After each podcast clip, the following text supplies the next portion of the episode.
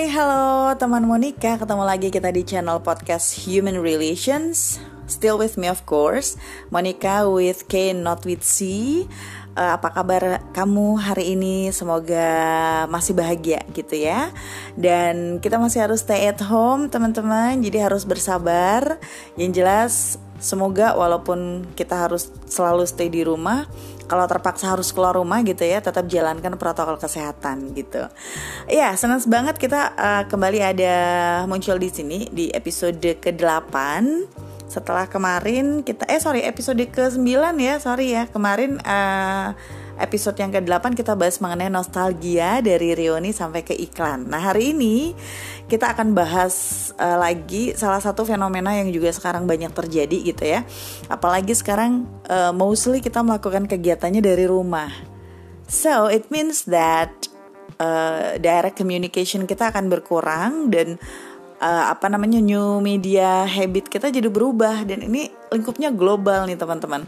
Kemarin We Are Social sama Hootsuite baru mengeluarkan data terka terkait dengan uh, digital uh, condition ya global digital gitu. Dan memang di sana terjadi peningkatan yang sangat signifikan terutama untuk negara-negara yang memperlakukan kebijakan lockdown gitu. Nah di Indonesia memang tidak ada lockdown atau apa pun lah istilahnya itu ya, tetapi uh, intinya kita masih tetap bisa beraktivitas hanya dengan pembatasan tertentu dan itu pun uh, cukup membuat adanya peningkatan yang signifikan juga gitu. So memang kegiatan kita mayoritas kita laksanakan dengan menggunakan media ya atau kalau uh, orang komunikasi itu nyebutnya CMC Computer Mediated Communication.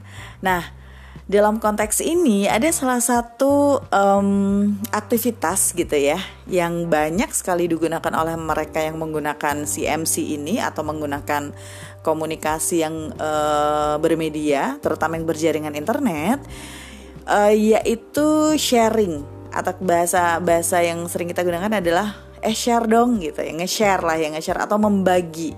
Nah, tapi yang mau aku bahas di sini bukan sesuatu yang berkaitan dengan informasi yang beredar. Jadi bukan orang dapat informasi tentang apa gitu ya, tentang perkembangan uh, jumlah pasien misalnya kemudian dia membagikan lagi informasi itu bukan bukan itu, tetapi lebih kepada sharing untuk informasi yang lingkupnya itu adalah private gitu atau uh, bentuknya privasi gitu ya. Nah, teman-teman mungkin uh, pernah gitu ya uh, menangkap layar.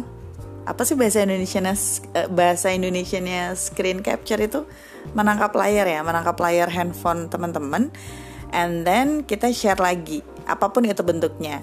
Nah uh, kita harus hati-hati kalau dalam konteks itu ya terutama ketika kita membagikan kembali halaman percakapan uh, privat kita dengan orang lain gitu atau percakapan uh, yang ada di grup uh, yang kita ikuti gitu. Nah, yang banyak terjadi sekarang ini adalah orang nge-share gitu ya, membagi uh, tangkapan layar dari percakapan yang ada di WhatsApp misalnya. Banyak kan? Banyak. Cuman sekarang kita perlu uh, belajar juga untuk lebih memahami gitu ya terkait dengan hal ini karena bisa jadi yang kita lakukan itu adalah melanggar privasi orang lain gitu. Terus buat kalian yang uh, namanya ada di phone book aku dan bisa lihat status WhatsApp aku, pasti dalam hati berujar gini, ah Monica juga sering gitu. Emang iya, aku tuh juga sering gitu. Aku akuin sih kalau ini. Cuman kalau aku uh, seringnya selalu izin ke orang yang mau aku uh, tangkap percakapannya, kemudian aku post lagi teman-teman. Dan selalu aku akan apa namanya uh, tutup namanya gitu, tutup fotonya gitu. Jadi nggak kelihatan aku lagi ngobrol sama siapa gitu. Uh, menurut aku itu sudah sudah satu langkah gitu ya, satu langkah preventif yang aku lakukan untuk melindungi uh, privasi teman yang jadi lawan bicara gitu. Jadi memang eh, dari dari apa namanya dari sejak pertama memang aku kan bukan orang yang bukan orang yang ya apa namanya uh, sebenarnya bukan orang yang aktif banget gitu ya kalau bicara mengenai status WhatsApp gitu ya. Kecuali kalau lagi galau. Kalau lagi galau atau lagi happy banget. Jadi kalau lagi punya intense feeling lagi sedih banget, lagi marah banget, lagi happy banget itu bisa lima menit sekali mungkin ya update status sampai apa namanya titik-titik banget gitu ya di WhatsApp tuh di status WhatsApp. Cuman kalau kondisi normal sih jarang sebetulnya.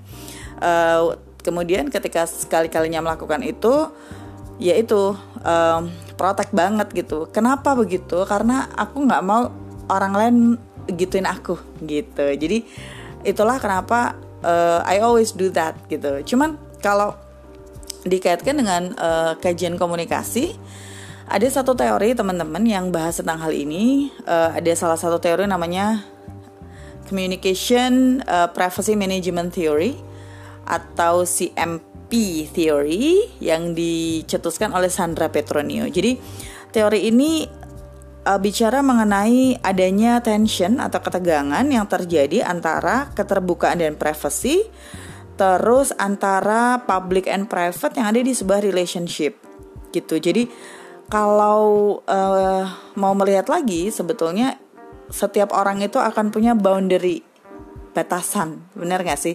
Atas informasi pribadi yang yang uh, dia miliki gitu. Misalnya nih baru-baru ini ada teman aku yang mau nikah ceritanya. Dia udah nikah sih udah kejadian nikahnya. Cuman pas mau nikah nih dia nggak mau cerita cerita gitu.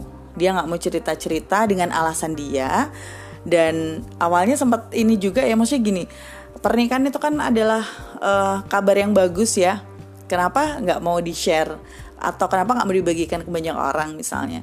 Cuman kan sekarang kembali lagi setiap orang punya boundary sendiri untuk informasi yang ingin dia keep buat dia sendiri. Atau misalnya di, dia bagi hanya dibagi sama temen deketnya aja gitu ya.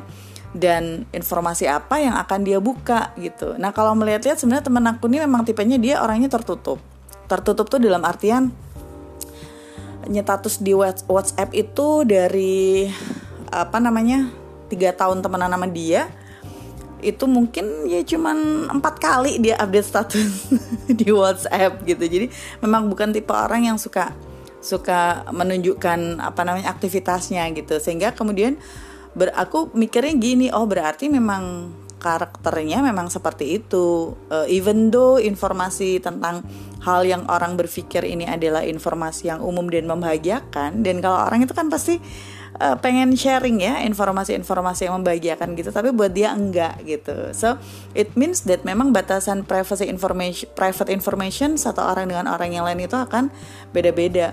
Contoh kedua adalah tentang berita uh, kehamilan misalnya. Berita kehamilan juga sesuatu yang bikin happy ya nggak sih teman-teman? Tapi ada orang yang memutuskan untuk oke okay deh aku keep dulu. Ntar tunggu usia kandungan aku sampai paling nggak 4 bulan deh baru aku bakal announce gitu. Atau ada juga yang yang uh, apa namanya prinsipnya beda. Uh, the minute she knows that she got pregnant gitu ya dia akan langsung announce dia akan langsung membagi paling tidak uh, di awal tuh ke temen dulu terus baru kemudian lama-lama update status gitu. Jadi kalau udah mulai update status itu kan udah berarti dia udah terbuka gitu. Nah tipe-tipe orang kan beda-beda gitu ya. Itulah mengapa dalam teorinya Sandra Petronio ini dia bilang bahwa memang setiap orang akan punya boundary yang berbeda-beda. Nah kalau kita bicara mengenai teori ini communication privacy management theory uh, di Sandra Petronio ini ada tiga konsep teman-teman. Yang pertama adalah privacy ownership. Kemudian yang kedua adalah privacy control dan yang ketiga adalah privacy turbulence. Kita ke konsep yang pertama dulu ya. Uh, dia menyebut uh, konsep yang pertama ini adalah privacy ownership. Kalau melihat dari kata privacy ownership, tentu saja kita bisa tahu bahwa ini akan bicara mengenai kepemilikan informasi privat. Yang jelas kita atau uh, individu tertentu, individu tersebut adalah pemilik utama dari informasi. Tetapi the minute I spill something to other person, orang lain itu akan juga jadi co-ownership kita. Gitu. Makanya orang pasti akan memilih dia mau ngasih tahu ke siapa dulu nih kalau misalnya belum pengen berita uh, apa namanya weddingnya tadi terbuka lebar dia akan memilih nih aku akan pilih orang ini dulu deh buat aku ceritain. Jadi mungkin orang lain baru akan tahu seminggu sebelumnya dia sudah punya orang yang dia ceritain ketika dia baru eh, dia udah sebulan sebelumnya merencanakan. Sama uh, dengan konteks yang berita kehamilan gitu. Jadi pas tahu uh, positif dua garis gitu ya aku bakal cerita nih ke si X gitu misalnya gitu ya dan dan si X ini akan menjadi co-ownership dari informasi yang uh, dibagikan tadi. Nah, jadi co-ownership itu tanggung jawabnya sama teman-teman dengan si ownership aslinya. So, itu beban banget gitu loh ketika ada orang lain yang cerita, eh gue mau nikah nih gitu. Tapi lu jangan cerita cerita ya. Pernah nggak kayak gitu? Atau eh gue hamil nih alhamdulillah. Tapi lu nggak usah bilang-bilang dulu ya gitu. Atau yang ekstrim deh.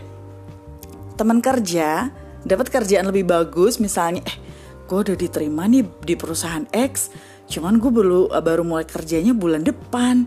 Tapi lu jangan ngomong-ngomong si bos dulu. Itu rasanya aduh memiliki informasi privatnya orang lain itu kan godaannya luar biasa ya. Sebenarnya bukan godaan kita ngember sih teman-teman tapi takutnya kelepasan gitu ya.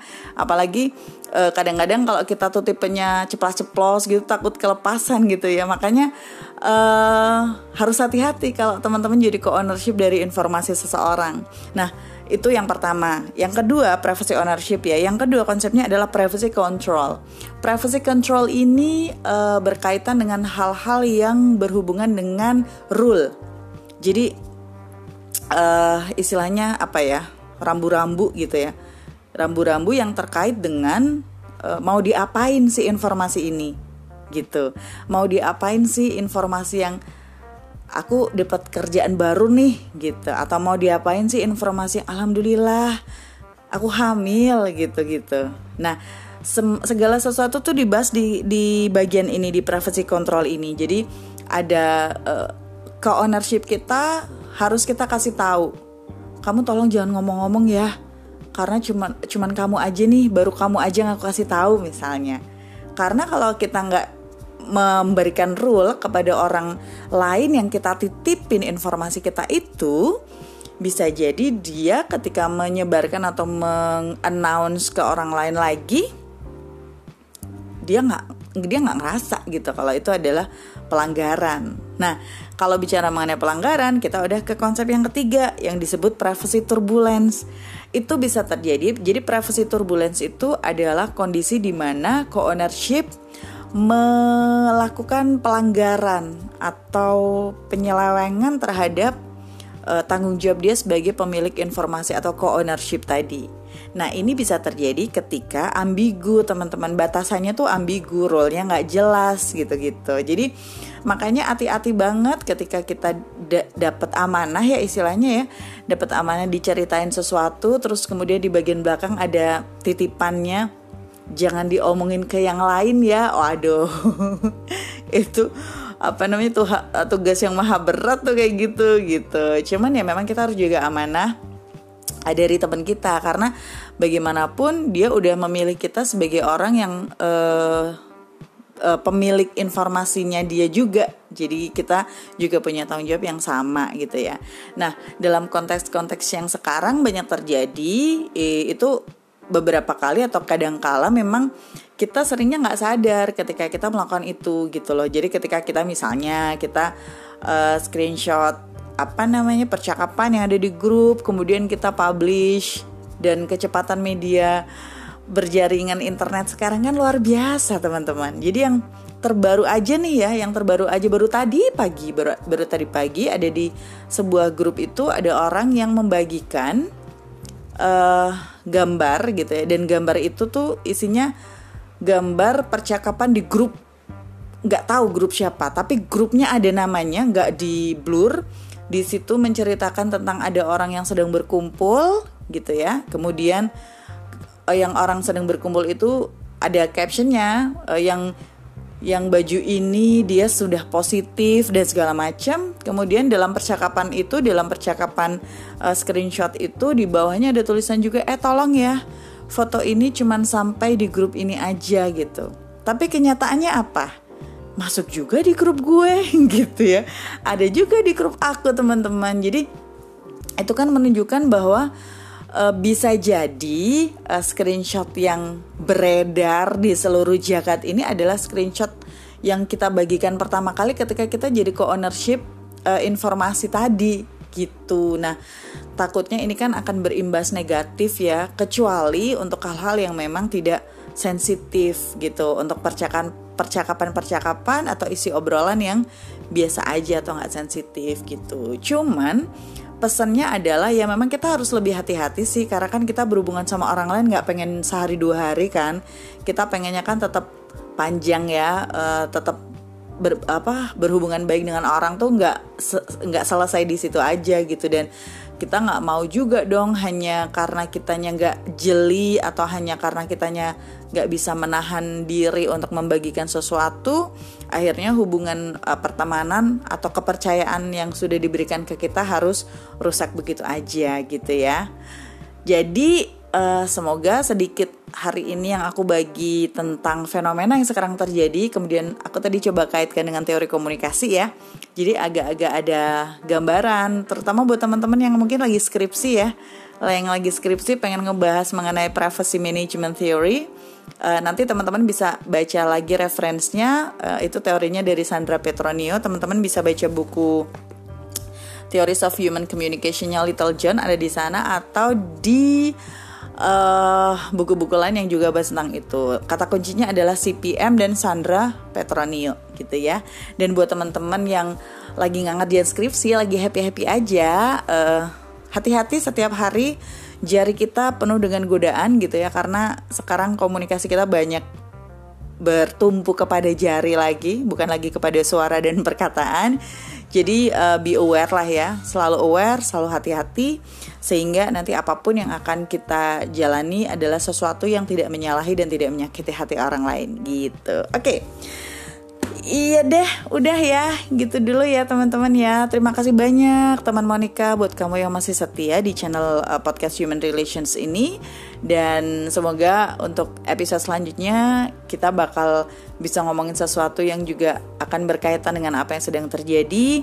Dan semoga gak bosan gitu sama channel ini. Oke, buat yang pengen ngasih masukan atau buat yang uh, mau usul topik apa yang mau dibahas silahkan lo ya bisa lewat japri bisa lewat media sosial bisa lewat apa pun boleh itu and I really appreciate every input yang datang gitu ya oke okay.